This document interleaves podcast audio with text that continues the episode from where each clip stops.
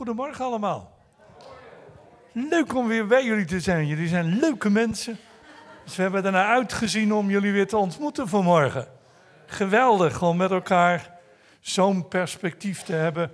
We hebben het al goed, maar het wordt alleen nog maar beter. Goed, beter, best. Het is zo dat uh, heel vaak wordt mij gevraagd om over bepaalde dingen wat te spreken. Ik denk dat het onderwerp is waar de meeste mensen benieuwd naar zijn is, hoe kan ik de stem van God verstaan? Dat is toch wel apart, maar wel belangrijk. Alleen valt me op, de meeste mensen vinden het fantastisch dat God tot Abraham sprak. Ze vinden het geweldig dat hij tot Mozes spreekt. En dan zeggen ze, oude, ja, God heeft nog nooit wat tegen mij gezegd. Nou, je liegt gewoon. Ik geloof het gewoon niet. Want heb jij wel eens van een vader gehoord die niet met zijn kinderen praat? Abnormaal hoor. Of je bent de vader niet, of je snapt er nog helemaal niks van.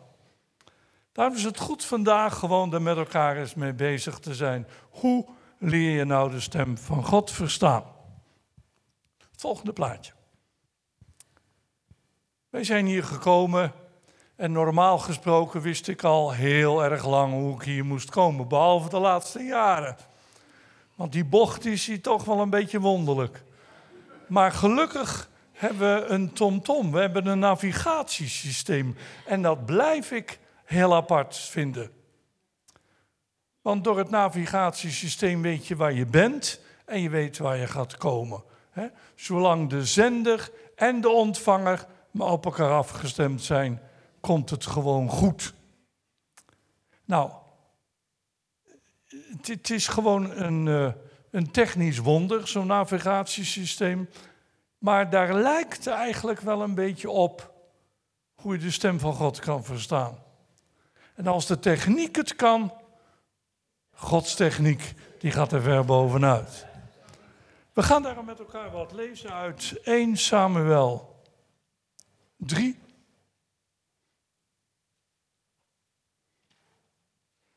...1 Samuel 3, vanaf vers 1. De jonge Samuel was in de dienst des Heren onder toezicht van Eli.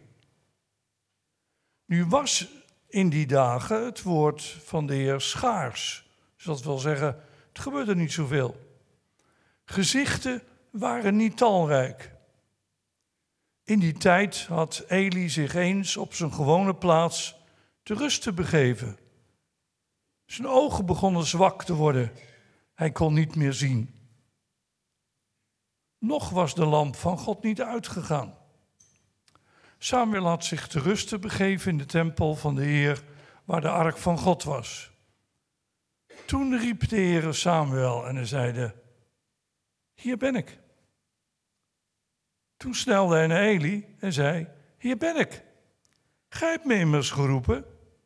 Toch deze zeide, ik heb niet geroepen. Leg u weer neer. Toen ging hij heen en legde zich weer neer. En de Heer riep Samuel opnieuw. Toen stond Samuel op, ging naar Eli en zeide: Hier ben ik, gij hebt me immers geroepen. Toch deze zeide: Ik heb niet geroepen, mijn zoon, leg u weer neer.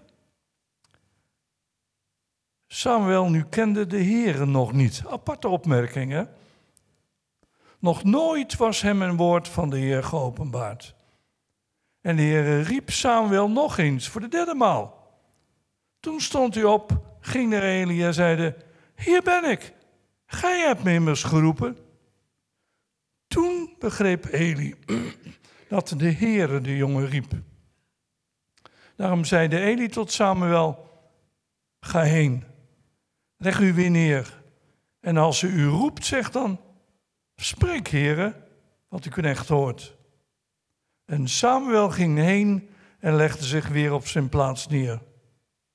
Toen kwam de Heere, bleef daar staan en riep als de vorige keren: Samuel, Samuel.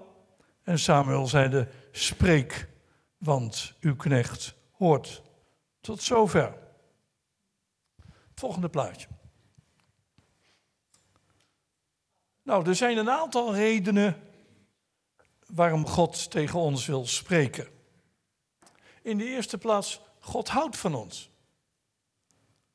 Als je van iemand houdt, dan wil je je hart delen.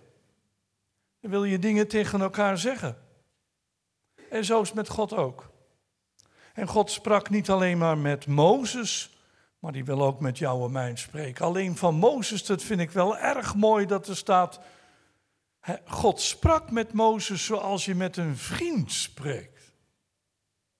Dat is apart, hè? dat de schepper van hemel en aarde, dat hij vrienden met ons wil zijn.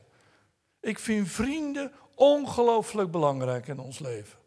Ik heb het voorrecht dat ik vrienden heb gehad al meer dan 50 jaar. En dat is zo kostbaar voor me. Maar het is goed voor morgen te bedenken, voor God is het kostbaar dat jij zijn vriend bent. Kijk, God wil vrienden met ons zijn omdat hij belangstelling voor ons heeft. Hij is betrokken bij ons leven. Weet je, ik, ik, ik hou van kleine mensjes. En dan vind ik altijd leuk hoe ouders daar naar kijken. Als zo'n kind dan, uh, dan wat doet en dan, oh, die ouders zijn helemaal verliefd op dat kind. Die kunnen gewoon hun ogen er niet van afhouden. Prachtig. Maar dat doen wij omdat God dat ook doet. God kan zijn oog niet van jou afhouden. Wat me opvalt in dat gedeelte wat we gelezen hebben, God kent je bij namen. Hij zegt niet, hé hey joh, hoor eens even. Nee, hij zegt Abraham. En heel vaak zegt hij het nog twee keer ook. Samuel, Samuel. Dus hij roept je bij naam. Is dat niet geweldig? Te, willen, te midden van al die 7 miljard mensen. God roept je bij je naam. Wat ook fantastisch is, God is onze Vader. Weet je, als jij zegt dat God nog nooit tegen jou gesproken hebt, dan ken je God niet als Vader. Want ik zei het al, welke vader wil niet met zijn kinderen praten? Zelfs als jij de verbinding heeft verbroken, God zoekt het op. Want in Genesis 3, vers 9 staat al die geweldige tekst dat als Adam en Eva gezondigd hebben, zij hebben het contact verbroken, maar God niet. Want God zegt, waar ben je? Is dat niet fantastisch wat wij ook doen? Kijk, als wij eh, geestelijk op onze hoogte zijn, dan vinden we het normaal dat God met ons praat. Maar zelfs als jij dagenlang niet gebeden hebt, dan ga je niet door naar de hel. Maar God zegt gewoon, waar ben je? Ik zoek je. Fantastisch, wat een God. En dan gaan we nog een stapje verder. God wil zelfs in jou komen wonen. In het Oude Testament was het geweldig dat mensen konden zeggen: God is met ons. Fantastisch. Maar ik ga nog een stapje verder. God wil niet alleen met je zijn, hij wil in jou wonen. Dat wil zeggen dat je gewoon het verschil niet meer ziet. Tussen jou en degene die in je woont. Tussen degene die in jou woont. In jou. Nou, dat is de reden dat wij vanmorgen erover praten. Hoe kan ik de stem van God verstaan? Want dat is van levensbelang. Alleen ik denk dat wij heel vaak God hebben misgelopen. Want God is niet het probleem, wij zijn het probleem. Want God wil graag met je praten. Altijd. Alleen als wij God mislopen, zeggen we, tegen mij zegt hij nooit wat. Ja, Jij doet net alsof God niet praat, maar dat is het probleem niet. Het volgende plaatje. Wat is eigenlijk luisteren? Nou, luisteren heeft met een keuze te maken. Jaren geleden woonde ik in een plaatsje boven Rotterdam, Nieuwekerk en de IJssel. En vlak bij de flat waar ik woonde ging de trein langs. Overdag, prima. Maar ook s'nachts. In het begin, ik, die geen, ik, ik deed geen oog dicht. Want elke trein hoorde ik. Totdat ik daar een poos woonde. Ik hoorde die trein gewoon niet meer. Behalve om twee uur ging er een hele lange, een hele lange trein, die kwam daar langs en die maakte veel lawaai. Dus dat hoorde ik. Maar de rest hoorde ik gewoon niet meer. Jullie wonen natuurlijk niet op een flat, maar ik heb op een flat gewoond. En dan zat je op je flat en er kwamen in Rotterdam een hoop auto's voorbij, maar ik hoorde ze geen eens. Want ik zat in mijn krant te lezen. Of ik deed wat anders. Misschien herken je dat als man en vrouw ook wel eens. Dat je, dat je vrouw wel tegen je zegt. Oh, ja, oh ja, oh ja. Ja, dat is herkenbaar hier, Schinnen. Ja. Wat moet je doen om te horen wat de ander zegt? Een keuze maken. Je aandacht richten op de ander. Want luisteren heeft met keuze te maken. Heeft met aandacht te maken. Ik las pas iets heel moois. Ik lees graag. En diegene zei: Weet je wat het leuke met kinderen is? Die denken niet aan vroeger. Die denken niet aan de toekomst. Die denken niet: zou ik morgen een boterham krijgen? Nee, ze zijn gewoon bezig waar ze mee bezig zijn. Toen dacht ik, dat is belangrijk. Want soms zijn we met dingen bezig en ondertussen zijn met onze gedachten ergens anders. En daarom zegt Jezus ook dat wij moeten worden als de kinderen. Onbevangen. Ze zijn bezig waar ze mee bezig zijn. Als je ouder wordt, kun je dat bijna niet meer. Want de mens doet van alles en ondertussen luistert hij en dat noemen we multitasking. Nou, ik noem het gewoon dat je echt van je oorsprong verdwenen bent. Want terwijl je met iets bezig bent, ben je ondertussen met honderd andere dingen bezig. Niet normaal hoor, jij bent geen kind meer. En Jezus zegt dat wij dat weer moeten leren. Onbevangen. Aandacht voor wat je aandacht heeft. Aandacht waar je mee bezig bent. Want dan hoor je dingen die je anders niet hoort. En daarom zegt Psalm 46 ook: stop ermee. Laat af. Strijd niet langer. Wees stil.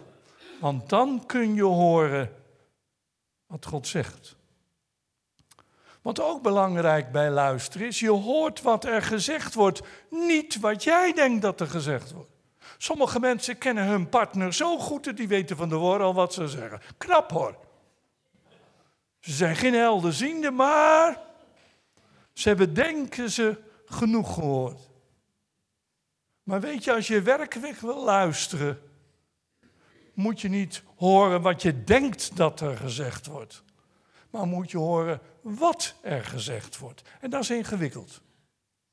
Daar begint het al. Als we willen leren luisteren naar de stem van God, dan moet ik niet denken wat God zegt, maar ik moet hem de kans geven. In Johannes 12 staat een mooi voorbeeld. De vader spreekt tegen Jezus, maar Jezus is de enige die het hoort. Want de een zegt, hey, het heeft gedonderd. En de ander zegt, een engel heeft gesproken. Maar geen een heeft gehoord wat er gezegd heeft, behalve Jezus. Dus blijkbaar, als God spreekt, kan de een het horen en de ander hoort gewoon wat anders. Omdat hij denkt dat het anders is. Die denkt zoals zij denken dat God zal spreken. Maar als je God werkelijk wil horen spreken, moet je geen ideeën erover hebben. En dat is ons probleem. Wij denken, oh, dat is God. Ja, dat vraag ik me af. Je ziet het bij Samuel. Samuel hoorde zijn naam en hij dacht dat het Eli was. En pas de vierde keer hoorde hij dat het God was. Apart, hè? Dus blijkbaar moet je luisteren leren. Dus als je zegt, ja, ik vind het moeilijk om naar de stem van God te luisteren. Nou, gewoon gaan leren. En als je niet wil leren, dat is bij de meeste mensen. Waarom profiteren de meeste mensen niet? Omdat ze niet willen leren. Waarom spreken de meeste mensen niet in tongen? Nou, omdat ze het niet willen leren. Ze willen alles meteen goed kunnen. Dat is echt een moderne mens. Maar alles begint heel primitief en ontwikkelt zich.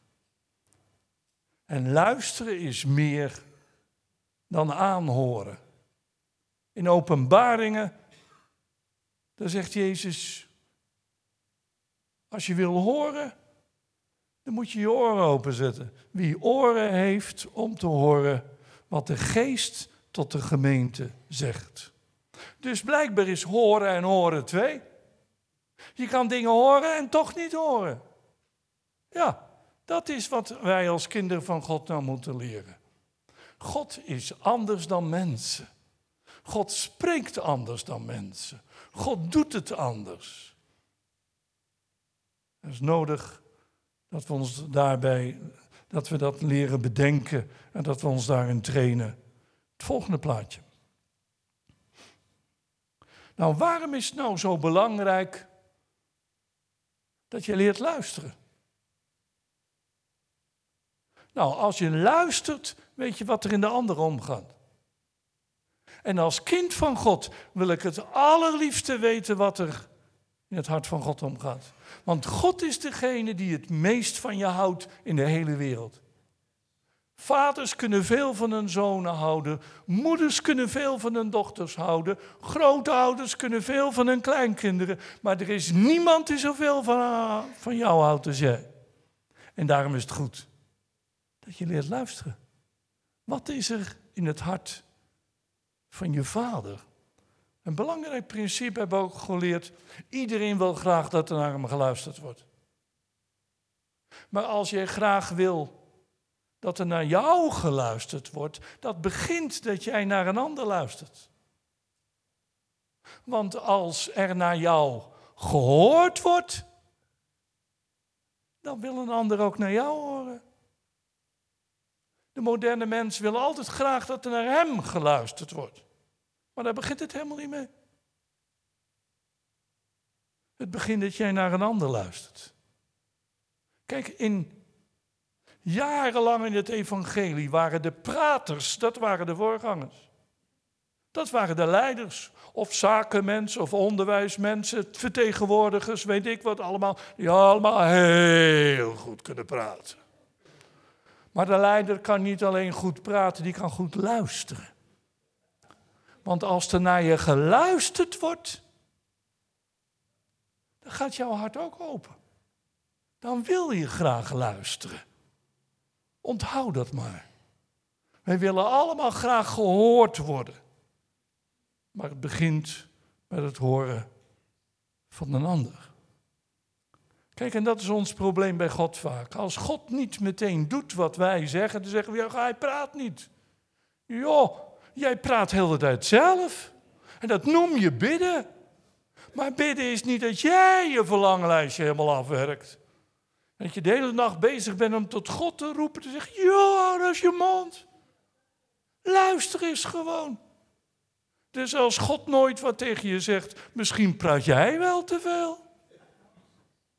Want God wil echt als een vader tegen je praten. Hij zegt in Jeremia 33, roep mij aan en ik zal antwoorden. Het volgende plaatje. Ik vond in Jacobus 1, trouwens een leuk plaatje hè. Ja, zo is dat bij veel mensen. Die zitten gezellig, zitten ze te eten in een restaurant en allebei zitten ze op hun telefoon te krijgen. Oh, wat gezellig. Ik vond in Jacobus 1 een mooie tekst. En die zegt: We moeten ons haasten om te luisteren, maar traag zijn om te spreken. Voor ons is het makkelijker om wat te zeggen dan om onze mond te houden. Onze stelregel is als we bidden: luister naar mij, God, dan zal ik spreken. Ja, dat is de verkeerde volgorde. Want het is niet dat God naar jou moet luisteren. Het begint gewoon te erkennen: God is God. Hij is een schepper van hemel en aarde. Het begint niet wat jij te zeggen hebt, maar de wereld is begonnen met God begon te spreken. En als God gaat spreken, dan is de moeite waard om er naar te luisteren. Want luisteren moet je leren. Je moet de stem van God gaan herkennen. Mensen die elkaar kennen, kennen ook de stem van elkaars hart. Want het is niet alleen maar dat je een hoop zegt, maar gewoon de taal van elkaars hart. Het geheim van een goed huwelijk is niet dat je heel veel praat met elkaar. Maar het geheim van een goed huwelijk is dat je leert luisteren naar de stem van het hart van de ander. Want ik kan wel denken dat ik Thea ken. En ik ben ondertussen bijna 24 jaar met haar getrouwd, dus ik denk dat ik het aardig ken. Ja, ja, is helemaal niet waar hoor. Het is zo'n boeiend mens. Er zijn heel veel dingen die heb ik nog nooit ontdekt. En die ontdek ik niet door te praten, maar door te luisteren. De stem van het hart. Het volgende plaatje. Mijn voorbeeld is Jezus. Jezus zegt, ik kan niets doen uit mijzelf. Ik oordeel naar wat ik hoor. Dus Jezus begon niet met praten, hij begon met luisteren. In onze maatschappij hebben de praters het voor het zeggen. Maar in de geestelijke wereld zijn het niet de praters, maar degenen die luisteren, net als de engelen, naar de klank van zijn woord. Weet je, Jezus, als hij zijn mond opendeed, geweldig, maar zelfs Jezus zegt, ik kan niets doen. Dat is ik de Vader zie doen. Hoe makkelijk doen wij niet dingen? Hoe makkelijk zeggen wij niet dingen? En dat bedoel ik vanmorgen niet en ik heb op niemand kritiek. En ik bedoel niet dat jij nou je mond niet meer open durft te doen. Maar gewoon, als wij God willen horen spreken, moet er toch wat veranderen. Moeten wij weer worden als de kinderen. Die benieuwd zijn wat een vader en wat een moeder te zeggen heeft. En Jezus zegt in Johannes 8 dat hij spreekt over de dingen die de Vader hem geleerd had. Hij was niet naar de universiteit geweest. Had niet een of andere hoge opleiding.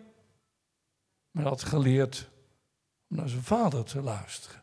Weet je, eisen van mensen zijn onverzadigbaar hoor. Ik ben meer dan 35 jaar voorganger geweest, dus ik weet waar ik over praat. Hoe boeiend mensen ook zijn. Hoe groot de nood ook is. Eisen van mensen zijn onverzadigbaar. Maar ik moet niet in de eerste plaats naar eisen van mensen luisteren. Ik moet naar de Heer leren luisteren. En ik ben een gelukkig mens geworden toen ik dat geheim ging ontdekken. Jongens, ik heb alle uren van de nacht alle snelwegen van Nederland gezien. Maar ik ben geen goede leider omdat ik alle uren van de nacht de snelweg zie. Maar omdat ik naar mijn Heer leer luisteren. Weet je, en daarom is het zo belangrijk dat je ook je Bijbel lezen in een ander perspectief gaat zien. Veel christenen denken dat ze een Bijbel moeten lezen omdat dat alleen maar is. Ja, dat hoort, dat moet gewoon. Maar joh, ik sta er elke keer weer verbaasd over terwijl ik die Bijbel al zo lang heb. Wat God zegt gewoon, dat is niet te geloven. Dingen die je altijd al gewoon vond. En opeens lezen, zeg je, hé, hey, staat dat er echt al heel lang? En dat wil ik leren. Door de Heilige Geest. Weet je, door de doop in de Heilige Geest heb ik een andere Bijbel gekregen. Veel gemeenten willen wel evangelisch zijn, maar niet pinksteren. En daar bedoel ik gewoon mee, men wil gewoon niet te veel met de Heilige Geest in aanraking komen. Maar ik durf rustig te zeggen, door de Heilige Geest heb ik een andere Bijbel gekregen. Want een Bijbel had ik al lang. En ik las trouw in mijn Bijbel. Elke dag een heel hoofdstuk. S'morgens al heel vroeg. Maar toen ik gedoopt werd met de Heilige Geest, of in de Heilige Geest, hoe je het ook wil noemen, mijn Bijbel werd anders tot de dag van vandaag. En ik hou van mijn Bijbel. Weet je, in de vorige eeuw heeft de duivel is die erin geslaagd om duizenden christenen te laten twijfelen aan de Bijbel. Dat is het ergste wat er gewoon is. Dat heeft hij voor elkaar gekregen. Mensen zeggen, ja, dat zegt de Bijbel. Ja, dat zegt de Bijbel. Ik zeg niet dat God de Bijbel is, maar de Bijbel is wel het woord van God. Het volgende plaatje.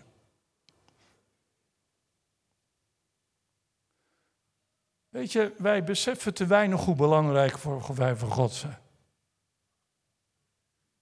God had het makkelijk zonder ons kunnen doen. Maar hij wil het gewoon niet zonder ons doen. Wij zijn Gods partners. Wij zijn Gods compagnons. We zijn zijn ambassadeurs.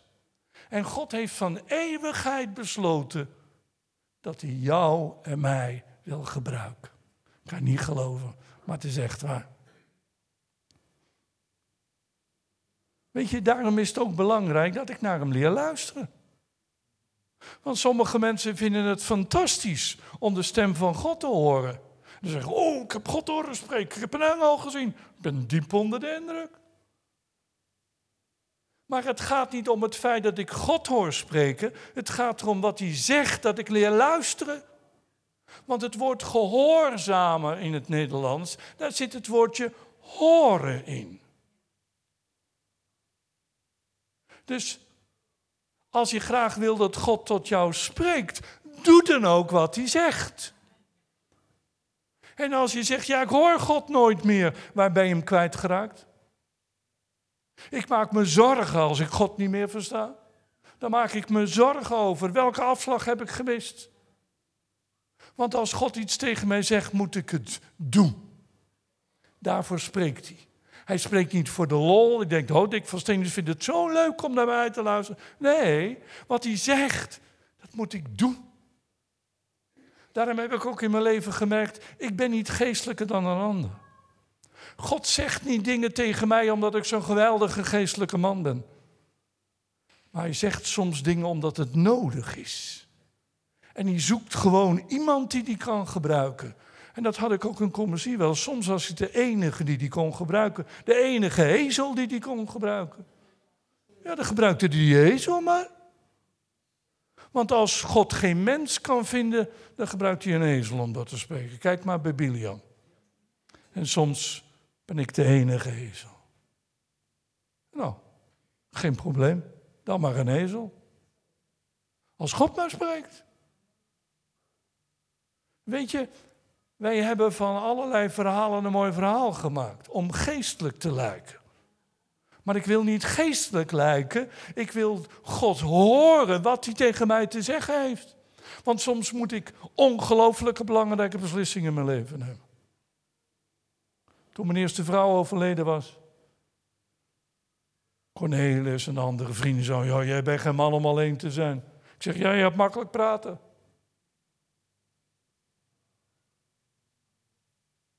Maar God weet beter welke vrouw goed voor me is dan dat ik het weet. Want ik kijk misschien naar dingen waar God niet naar kijkt. En God heeft het altijd goed. Dus ik ben God tot de dag van vandaag dankbaar. En dat zeg ik ook hier openlijk. Dat hij het Thea aan mij gegeven heeft. Wat heeft hij het goed bedacht? Veel mannen kijken alleen maar naar een leuk bekkie. En die kijken naar allerlei andere dingen. Ja, dat is mooi meegenomen, want als je vrouw niet zo grim is om er de hele dag mee om te gaan, ja, dat zou ik ook vervelend vinden. Maar God kijkt anders. God weet dat. Dus daarom eh, vind ik ook voor de leiders hier, jullie mogen er gewoon rekening mee houden. Als God jullie als leiders geroepen heeft, gaat hij dingen tegen jullie zeggen die hij niet tegen een ander zegt. Omdat het nodig is. Wij moeten leren bedenken wat God zegt. Alleen we moeten het wel leren doen. Is dat makkelijk? Nee. Want als je in 1 eh, Samuel 3 uh, eh, verder leest. Hè, dus God heeft tegen Samuel gesproken. Dan moet hij iets gaan zeggen tegen Eli. En dan staat er in vers 15: Samuel zag er tegenop Eli het gezicht mee te delen. Dat is wat. Dus hij had geen gemakkelijke boodschap. Wij willen allemaal gemakkelijke boodschappen, maar sommige boodschappen zijn helemaal niet makkelijk. Samuel zag er tegenop, maar hij gehoorzaamde wel. En ik denk dat dat een heel belangrijk principe is, dat we mogen leren om te gehoorzamen. Maria zei toen ze de boodschap gekregen had dat zij de zoon van David, de zoon van God ter wereld zou brengen, later met mij gebeuren wat hij hebt gezegd. Dus als ik wil horen wat God zegt, ben je bereid te gehoorzamen? Daarom is het ook altijd goed als je aan God vraagt: Heer, wat is uw wil? Moet je eerst kijken: ben ik bereid om te doen wat God zegt? Want we vinden het allemaal leuk als God dingen zegt die wij ook leuk vinden. Zeggen we, prijs de Heer, geweldig, God heeft op me gesproken. Maar als je God wil horen spreken, moet het ook zo zijn dat als God dingen zegt die voor ons idee helemaal niet leuk zijn, maar die wel nodig zijn. Oké, Heer. Is dat makkelijk? Nee. Tot de dag van vandaag, dat moet ik leren. Alleen ik heb wel geleerd om eerlijk te zijn. Vroeger zei ik ja terwijl ik nee deed. En nu zeg ik wel eens, oh, Heer, ik wil er eens even over nadenken. Zie eerlijk, weet je tenminste waar je aan toe bent. Ik wil weten waar ik aan toe ben met de mens, maar is bij God precies hetzelfde. Kijk, als ik altijd ja, sommige mensen zeggen altijd ja. Wat je voor gekke dingen je ook tegen ze zegt, zeggen altijd ja. En ze lachen altijd. Maar ik moet ja zeggen als ik ja doe. En als je wil dat God tot je spreekt, is het belangrijk dat je gehoorzaamt. Het volgende plaatje. Toch zijn er wel een aantal regels, spelregels te noemen. En dat klinkt ingewikkeld. En denk daar maar eens over na. Wat is nou Gods wil? Nou, Gods wil is dat ik de juiste dingen leer doen en de juiste dingen leer zeggen. Wat Hij wil. In de tweede plaats, ik kan wel iets in Rotterdam zeggen, maar ik ben vandaag niet in Rotterdam, ben vandaag in Schinnen. Hallo? Ik heb heel veel gepreekt in mijn leven. Ik zou makkelijk een preek kunnen bedenken. Ik heb er zat. Maar het gaat er niet om wat ik vind dat er gezegd moet worden. Het gaat erover dat wat God vindt dat er gezegd moet worden. En soms zeg ik dingen die ik ergens nog nooit gezegd heb. En dat is nodig. Daarom ik ben geen luie prediker die een oude preek van stal haalt. Maar ik zoek God. En ik ben ermee bezig. Wat wil God dat er in schinnen gezegd wordt? En misschien zeg ik vanmorgen dingen specifiek voor jou. Omdat jij je bent. Omdat het voor jou belangrijk is. Dus op de juiste plaats moet ik het zeggen. Tegen de juiste mensen. Op de juiste tijd. Want je kan soms iets zeggen wat wel waar is, maar als je de juiste woorden op het verkeerde moment zegt, ga je er problemen mee krijgen. In de juiste volgorde. Onder het juiste leiderschap. Want sommige mensen denken dat je alles maar kan zeggen. Maar ik moet ook onder het juiste leiderschap staan. Zodat een ander mij kan corrigeren. Want ik ga niet zeggen dat alles wat ik altijd zeg 100% altijd van de Heilige Geest is. Dat ben ik aan het leren. En daarom is het goed dat je onder leiderschap staat, onder het juiste leiderschap. En het is belangrijk de manier waarop je het doet. En vanuit de juiste hartsgesteldheid. Dat is allemaal nodig. Verlang jij ernaar om door God gebruikt te worden? Prijs de Heer ervoor. Maar leer deze dingen in je leven te realiseren. Het is allemaal belangrijk. Want als ik de goede dingen op het verkeerde moment zeg, kan het verwarring tot gevolg hebben. Of andersom. Het volgende plaatje. Wat zijn nou de problemen om Gods stem te leren verstaan? Nou, dat is al begonnen bij de zondeval. Want Adam en Eva luisterden naar de stem van de slang. En weet je wat de ramp was? Ze hoorden het verschil niet tussen de slang en God. Dat is wat. Want de slang spreekt anders dan God. En dat verschil moet je weten. En als je dat verschil niet weet. Ik ben wel eens uh, in allerlei samenkomsten geweest. Ook er gebeurden allemaal wonderlijke dingen. En iedereen stond op zijn banken. Prijs de Heer, de Heer werkt. En ik schrok me om. Want volgens mij was het God helemaal niet. Het was de slang. Want de slang brengt verwarring. De slang liegt gewoon altijd. Hij lijkt de waarheid te spreken, maar het is geen waarheid. En daarom, door de zondeval, zijn onze oren een beetje hardhorend geworden. Wij denken dat het God is, maar het is God soms helemaal niet. Want ons idee van God is misvormd geworden. En ik moet leren vanuit de herstelde relatie met God naar Hem te luisteren. In de tweede plaats, heel vaak is er, ik heb het geloof ik hier ook wel eens genoemd, een scheiding tussen mijn hoofd en mijn hart. Sommige mensen praten veel over God, maar ze praten niet met God. Je moet niet over God praten, maar met God praten. En dat is in de kerk precies hetzelfde. Wij praten niet over mensen, wij praten met mensen. Daar heeft de mens recht op. Wij hebben Rotterdam ook een keer daar een keuze voor gemaakt. En gewoon te zeggen, als we wat te zeggen hebben, we zeggen het tegen de mens zelf. We praten niet over de ander, maar met de ander. Want vanuit mijn hoofd kan ik intellectueel allerlei dingen verklaren. Ik kan het duidelijk maken en toch kan ik ernaast zitten. En dat is het probleem met intellectuelen. Veel mensen aanbidden hun verstand. Die zijn zo verstandig, die zeggen echt verstandige dingen. Maar het gaat er niet om dat je verstandige dingen zegt, het gaat erom dat je hoort wat God te zeggen heeft. Want soms ziet je verstand dingen die ingaan tegen wat God te zeggen heeft. Mijn verstand is niet het meest betrouwbare in mijn leven. God is de meest betrouwbare. Alleen als ik met mijn hoofd alles beredeneer, en dat weet ik. Kijk, zo, zo ben ik ook opgevoed. Gestudeerd tot de dag van vandaag. Ik hou van lezen.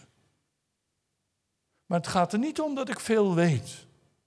Want sommige dingen weet ik niet omdat ik het ergens gelezen heb. Maar gewoon van binnen heb je dat ook wel. Soms weet je gewoon dingen.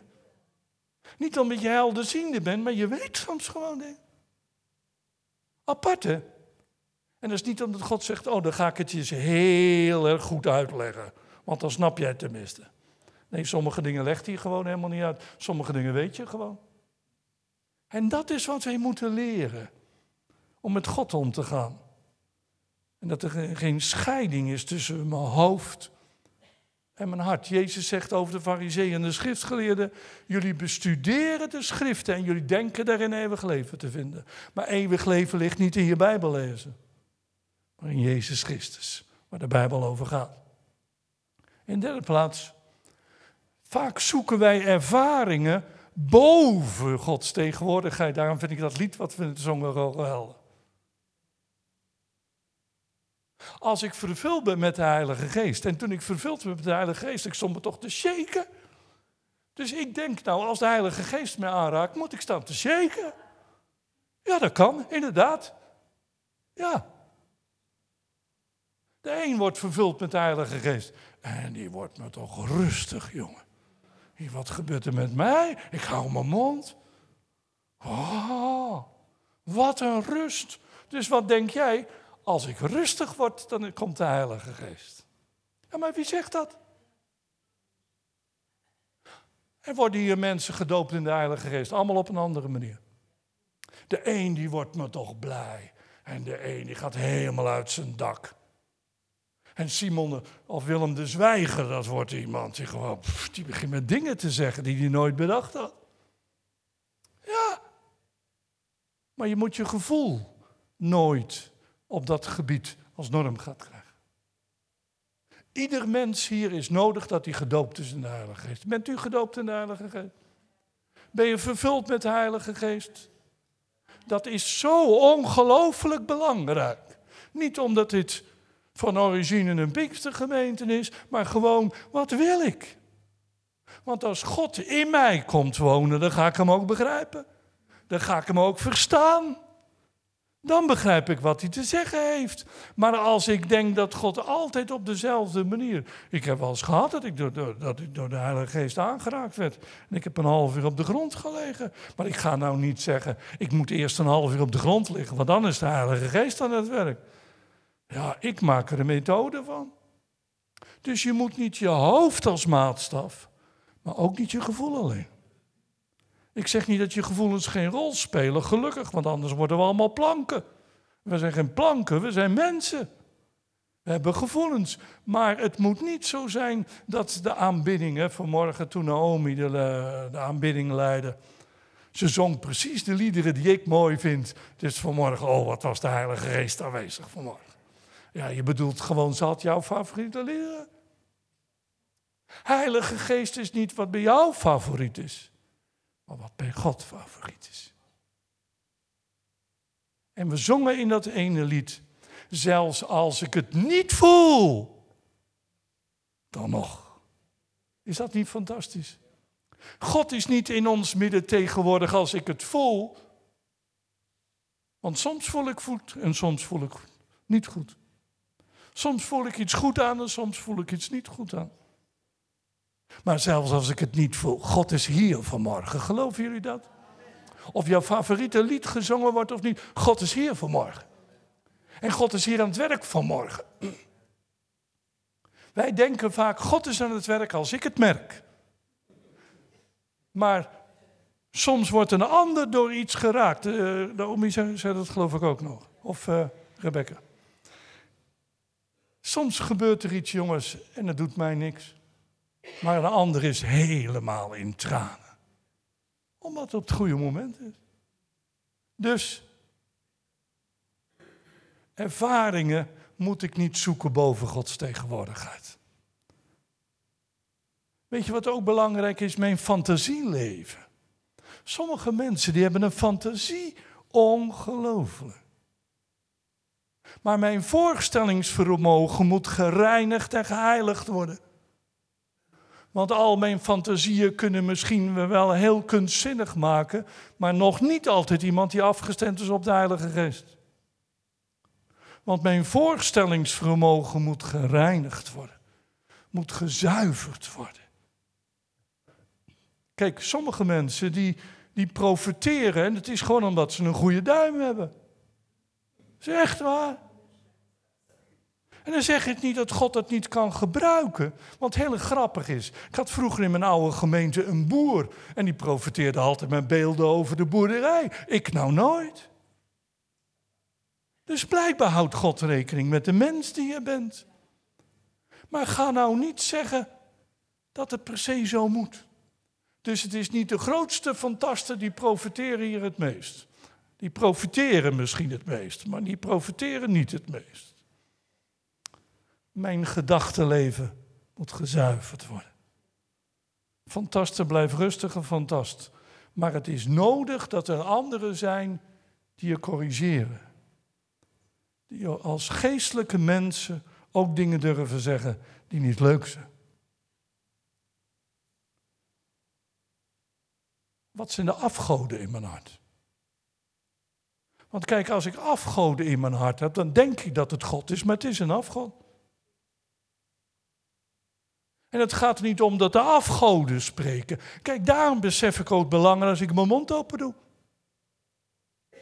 Want ik moet niet over mijn afgoden, vanuit mijn afgoden praten. Ik moet vanuit God praten. Zolang er afgoden in mijn leven zijn, is het een beetje gemengd. De ene keer is God aan het woord en de andere keer is mijn afgod aan het woord. Dat is de reden waarom leiders altijd bezig zijn om te verlangen om een zuiver leven te leiden. Helaas heb ik een aantal keren meegemaakt dat predikers die zelf het hardst tegen onreinheid predikten, waren het zelf. Maar die kenden hun eigen afgoden niet. En die wisten niet waar ze zelf van gereinigd moesten worden. En ze dachten dat een ander het moest. Weet je, daarom is het goed dat wij als kinderen van God dicht bij de Heer leven. En ik zeg niet dat wij alle dingen altijd goed hebben, was het maar waar. Het volgende plaatje. Nog meer belemmeringen. Occulte bindingen. Weet je, veel van ons, voordat ze hier in de kerk kwamen, hebben andere vormen van godsdienst gevolgd. En voor de ene is dat reiki, voor de andere transcendente meditatie, voor een andere yoga, weer een ander heeft andere vormen van occultisme met zich meegenomen en zijn bindingen ontstaan. Maar als je dan vervuld wordt met de Heilige Geest, hoe werkt dat dan? Sommige mensen zijn een mengkraan.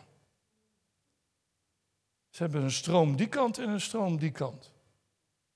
Vergeet nooit dat ik, dat ik hier iemand die wist bij een paard, wist hij precies waar dat paard pijn had. En iedereen zei, oh wat een inzicht heeft die man. Nee, die man was ook wel. En omdat hij niet bevrijd was van deze dingen, zag hij allerlei dingen en deed hij het spelletje, ik zie, ik zie wat jij niet ziet. Ben jij vrij? Ben je vrij van occulte dingen uit je verleden? Want als ik niet vrij ben van occulte dingen uit het verleden, dan kan het zo zijn dat ik dingen uitspreek omdat ik denk dat het de Heilige Geest is. Maar het is de Heilige Geest helemaal niet. Het is een verkeerde geest. Kijk, wij zijn in deze kerk niet op heksenjacht. Maar we gaan ook demonen daar niet laten zitten waar ze zitten. En we gaan ook niet zeggen dat het de Heilige Geest is. Daar heb je onderscheid voor nodig. En ik heb geen geest van achterdocht. Maar ik wil wel dat de Heilige Geest me onderscheid geeft. Wat is van de mens? Wat is van de duivel? Wat is de Heilige Geest? Jongens, daar kan je niet voor studeren. Maarten, al zou je honderd naar de universiteit gaan, daar leer je dat niet hoor. Echt niet. Maar de Universiteit van de Heilige Geest is fantastisch. Kijk, en dat vind ik ook wel eens moeilijk. Want sommigen weet ik die dingen die een ander niet weet, die denken allemaal dat ik gek ben. Maar ik blijk niet gek te zijn achteraf. Ik had het goed gezien. Alleen niet omdat ik beter dan een ander ben. Maar het is de Heilige Geest. En die zegt niet alleen maar dingen die ik leuk vind of die jullie leuk vinden. Ben jij vrij? Ben je vrij van occulte dingen? Als dat niet zo is, er zijn mensen hier die jou graag willen helpen. Alleen het kan alleen als jij het wil. Want vroeger zaten we op bidstonden allerlei demonen te binden bij een ander en die ander wilde het genees. Ja, dat werkt gewoon niet. Want demonen hebben net zoveel macht als ik ze geef. Dus als ik de huur op zeg, moet ik zeggen, ik zeg de huur op. Afgelopen, klaar. En als je het zelf niet kan, dan roep je een ander. Nog meer dingen. Weet je, veel mensen denken dat God dienen hard werken is. Dus wij denken, ja, wij moeten toch van alles gaan doen dat Gods geest hier vanmorgen gaat werken. En de een denkt aan een bepaald lied, en de ander denkt aan andere dingen. Maar God dienen is niet hard werken. Overal moet je hard werken, behalve de kerk.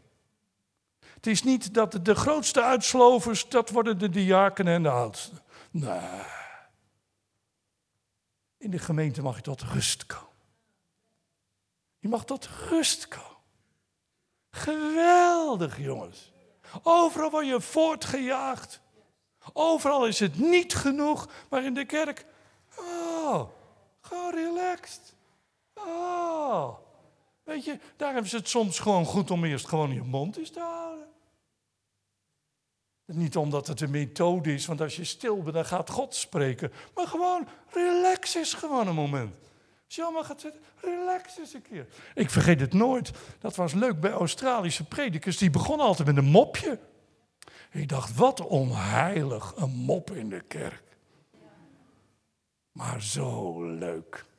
Zo leuk. Want weet je wat er gebeurde? Kijk, ik ben niet goed in moppen vertellen. Dan doe ik dat ook niet, want dan word ik een clown. Maar sommige mensen kunnen zo smakelijk moppen vertellen. En weet je wat er gebeurt als je hem op. En dan kan God werken. Dan kan God werken. Want wij denken allemaal heel serieus kijken. Oh, dan gaat God werken vanmorgen hoor. We zijn allemaal onze ogen dicht, allemaal serieus. Nou gaat God werken. Ja, doe normaal. Relax. Laat af. Stop. God moet je niet verdienen. God komt gewoon. En dat is wat wij gewoon niet weten hoe dat werkt. Dus daarom doen we zo hard ons best. Maar elke samenkomst, God werkt anders. God doet andere dingen. Als de ene samenkomst God gewerkt heeft, het lijkt wel of hij de lollen heeft om de volgende keer anders te doen. Ja, dat moet ik gewoon leren. Want wij denken, oh, dat is God. Ja, dan gaan we de volgende keer weer doen hoor. Want God komt. Echt niet hoor. Genade. Genade. Weet je, vanmorgen worden hier mensen genezen en aangeraakt door de mensen waar jij van vindt dat ze het minst verdienen. Echt waar hoor. En wij denken, dat gebeurt. Dat gaat gebeuren. Wie zegt dat? God is hier de baas toch vanmorgen.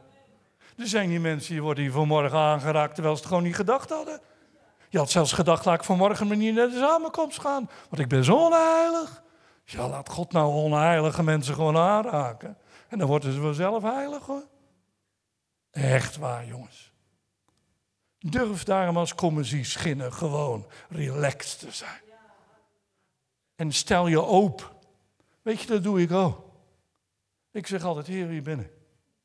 Wilt u me ergens voor gebruiken? Doe het maar. Maar als u het niet doet, even goede vrienden. Want als u mij niet gebruikt, gebruikt u een ander. Wat is toch ook zo? Wij denken als iemand profeteert, oh, dat, dat, dat, dat is onze profeet. En die moet dan elke dienst moet die profeteren. Nou, je zal maar profeet zijn. Maar weet je wat het leuk is? God wil jullie allemaal gebruiken. Zelfs mensen die nog nooit dat gedaan hebben, tot hun eigen stomme verbazing zeggen ze dingen die van God blijken te zijn. Weet je, daarom hou ik van de kerk. Daarom moeten wij nooit ergens methode van maken, want dan hebben we echt gewoon een probleem. Wat ook belangrijk is, zijn mijn motieven zuiver. Waarom wil ik graag door God gebruikt worden? Om bijzonder te zijn? Ja, dat ben ik al. Dus daar hoef ik niet mijn best voor te doen.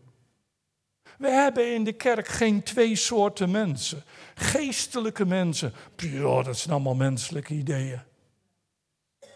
Gewoon, geef God de kans. Geef je over. Doe ik ook. Ik zeg gewoon, Heer, hier ben ik. En als u me nodig heeft, hier ben ik, Heer. Gaat u gang maar. Als u me niet nodig heeft, even goede vrienden. Want dan gebruikt u toch Rijn of weet ik wie. Geen probleem hoor. Het maakt het zo makkelijk, wist jullie. Stel je voor dat wij als kinderen van God allemaal zo naar de samenkomst komen. Jongens, dat wordt toch een feest. Want staat van tevoren niet vast hoe het gaat. Staat niet van tevoren vast wie zijn mond open doet. Maar er gebeuren allemaal dingen dat wij zeggen, oh, in die kerk wil ik horen. Weet je, daar verlang ik naar. Ja, wij moeten als Pinksterbeweging oppassen dat we niet weer allerlei dingen in methode passen en dan zeggen we dat, dat zo moet God werken. Nou, van mij betreft helemaal niet. Gewoon. Dus wordt het te laat. Weet je wat ook belangrijk is? Soms heb ik allerlei blinde vlekken. Soms zit er in mij. Ik heb vorige week erover gesproken. Soms is dat, dat kind in mij gewoon niet genezen. Misschien weet je dat van jezelf ook wie je als kind was. Ontvankelijk. Je gaf je vertrouwen aan iedereen. Geweldig. En soms hunkerde je daarnaar. Naar die tijd dat je dat was. En dat is goed. Maar soms zijn er ook dingen in ons die zijn gewoon nooit volwassen geworden. Die zijn nooit uitgegroeid. En God wil dat we groeien en ontwikkelen. Kijk, en daarom moeten we ook niet denken dat iemand die een keer profiteert met een dingetje denkt, nou. Ik zei altijd, in kan wat. Je wordt niet meteen een valse profeet. Als er iemand van zijn stoel valt, is het niet meteen allerlei dingen. Maar gewoon, is ruimte. Is ruimte. Je bent liefdevol tegen elkaar. Jongens, want anders dan voordat je een keertje wat mag doen, nou, dan moet je echt, weet, weet, weet ik wat voor land komen. Doe maar gewoon. Doe maar gewoon. Geef God de ruimte. En als er allerlei dingen in jou zijn die zo primitief zijn, God wil ze genezen en herstellen hoor. Alleen hoe hij dat doet, ja, dat weet ik ook niet. Echt niet hoor. Sommige dingen genezen bij mij in mijn slaap. Thee heeft ook wel gezegd, nou je was weer bezig vannacht. Ja, blijkbaar zitten er nog allerlei dingen in mij die genezen moeten. En als hij over de dag de, kans niet krijgt, dan doet hij het s'nachts. Dan ben ik onder zeil, tenminste is de bedoeling. En dan zie je precies hetzelfde vanmorgen. God wil je genezen en herstellen. Hij wil je aanraken. Dit is de werkplaats van God. Je bent op de goede plek gewoon. En als je denkt dat je gewoon niet goed genoeg bent, maak je maar geen zorgen hoor. Je ben je prima. Als je maar eerlijk bent. Als je God maar de kans geeft. En ik verlang er zo naar dat de komende tijd, na al die rotzooi van corona, dat we met elkaar weer een vorm van kerk zijn vinden waar we gewoon de beste plaats op de wereld is om in de kerk te zijn. Ik ben echt een fan van de kerk hoor. Ik vind het fantastisch gewoon. Niet opzitten en pootjes geven, maar gewoon. Dat is de enige plaats waar, waar, waar je tot rust komt en waar, waar God werkt. Verlangen jullie daarna? Jongens, ik, eh, heb er nog veel meer over te zeggen, maar dan wordt het veel te laat, hè Maarten? Yes. Maar een andere keer ga ik wel weer eens verder als u terug mag. Want weet je, ik verlang ernaar dat wij leren om naar de stem van God te luisteren. Moet je leren. En daar hebben we elkaar gewoon voor nodig. En de ene is al wat verder dan de ander. Wij veroordelen elkaar niet. Alleen leiders moeten wel eens ingrijpen. Niet omdat ze zulke controlfreak zijn, maar gewoon dat is je taak als leider. Jullie zijn gewoon een leuke kerk.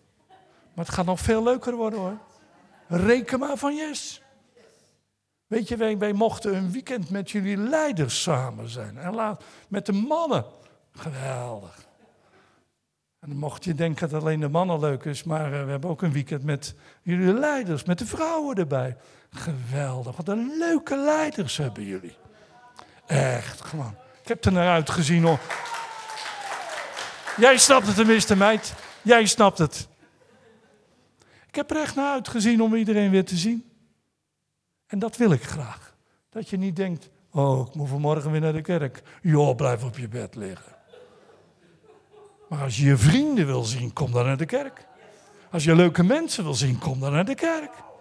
Als je door God aangeraakt wordt, kom dan naar de kerk. God is hier. Zullen we gaan staan met elkaar?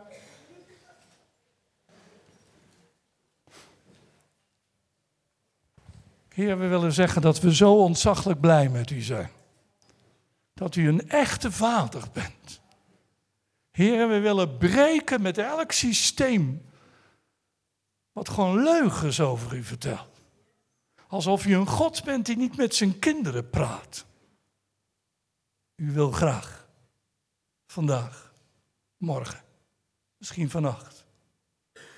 Als we in de tram zitten, als we in de metro zitten, als we in de bus zitten. Als we in de auto zitten. Als we in de file zitten. U kan alles. En daarom wil ik u gewoon vragen, Heilige Geest, gaat u een nieuw werk hier doen? Want u werkt altijd anders.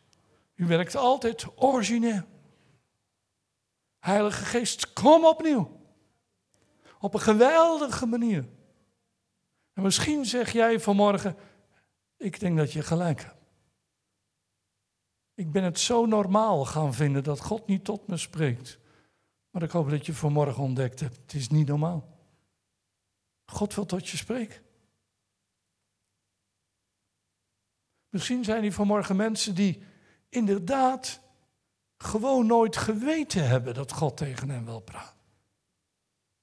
Dan mag je gewoon vanmorgen, net als Samuel, zeggen: Hier ben ik, hier. Ik luister naar wat u te zeggen hebt. Er is hier vanmorgen een vrouw. Je bent heel bescheiden. Je zal nooit de boventoon voeren. En je denkt gewoon, omdat je jezelf zo'n verlegen mens vindt, dat je het niet waard bent om je mond open te doen. Maar God heeft vanmorgen jou op het oog. Zet je hart open. Weet je, God gaat jou dingen toevertrouwen die de moeite waard zijn voor andere mensen. Zet je hart open vanmorgen. Geest van God dan neer op deze vrouw. Op een bijzondere manier. Gaat hij tot haar hart spreken, Heer? Dat ze dingen die van u ontvangt, die tot zegen voor een ander zijn. In de machtige naam van Jezus. Ontvang het, vrouw. Alleen je moet het etiketje van jezelf afhalen. Want je zegt, ja, ik ben zo verlegen. Ik ben dit en ik ben dat. Stop ermee. Heer, gaat u vanmorgen de rijen door. Want God spreekt niet alleen maar tot vrouwen, hij spreekt ook tot mannen. Ook al zijn veel mannen hardhorend. Mannen, zet je hart open. En zeg, hier ben ik, Heer. Spreek. Heer, ik bid u voor de leiders van deze kerk. Dat ze niet van alles van stal hoeft te halen om goede leiders te zijn. Maar dat ze gewoon mannen en vrouwen van God zijn. Die luisteren. U spreekt niet altijd op mijn moment, maar wel op uw moment. Heer, vul de leiders van deze kerk op een nieuwe manier. Dat ze uw stem verstaan. Dat er niet meer een man van God van buiten nodig is, maar dat ze gewoon zelf ook de stem van God verstaan. Echt waar. En er zijn er onder jullie, onder de leiders. Activeer het meer. Jullie denken vaak te minderwaardig over jullie zelf. Want God zegt meer dan jullie denken. Luister ernaar. Doe het. En God gaat jullie zegenen. Heer, ik bid u voor die jonge mensen. Heer, waarom moeten mensen eerst oud worden om tot ontdekking te komen? Heer, ik bid voor die jonge mensen onder ons. Spreek tot hun hart. Vul hem met de Heilige Geest. Op een bijzondere manier. Gewoon in de zaal. Geest van God, daal neer op jonge mensen. En ik zie dat er ook eentje. Een, een, een, Zo'n man is net zoals ik was, bloedserieus. Maar je zal zien, God gaat van jou, in plaats van een bloedserieuze man, gaat hij een leuke man maken. Die blij en vrolijk is. En daarom wordt verlost van deze verkeerde ernst. In Jezus' naam, door de kracht van de Heilige Geest. En blijdschap van God, kom over je. In Jezus' naam. En je zal een man van humor zijn, van blijdschap. En je zal leuke dingen tevoorschijn brengen. Aantrekkelijk. In de naam van Jezus Christus. Nu, in Jezus' naam. En als jij dat bent, ontvang het. Incasseer het. En God gaat het doen. Heer, natuurlijk willen we graag allemaal gezond zijn. En waarom zou u dat vanmorgen niet willen doen? Heer, ik bid u voor mensen die ziek zijn. Die al jaren ergens aan lijden. En ze hebben zelf al lang de hoop opgegeven. Maar u bent een God van hoop. En daarom, Heilige Geest, gaat u de rijen door. En nu bijzondere dingen vanmorgen. Genees mensen. Tot eer en glorie van uw naam. En we gaan ons lichaam gebruiken voor uw glorie. Dat beloven we. Want daar is het voor. Dank u, Jezus. Dank u, Jezus. Dank u voor deze morgen. Dat het een feest is om in uw tegenwoordigheid, maar ook in elkaars tegenwoordigheid. Tot eer en glorie van Jezus naam. Amen. Maarten.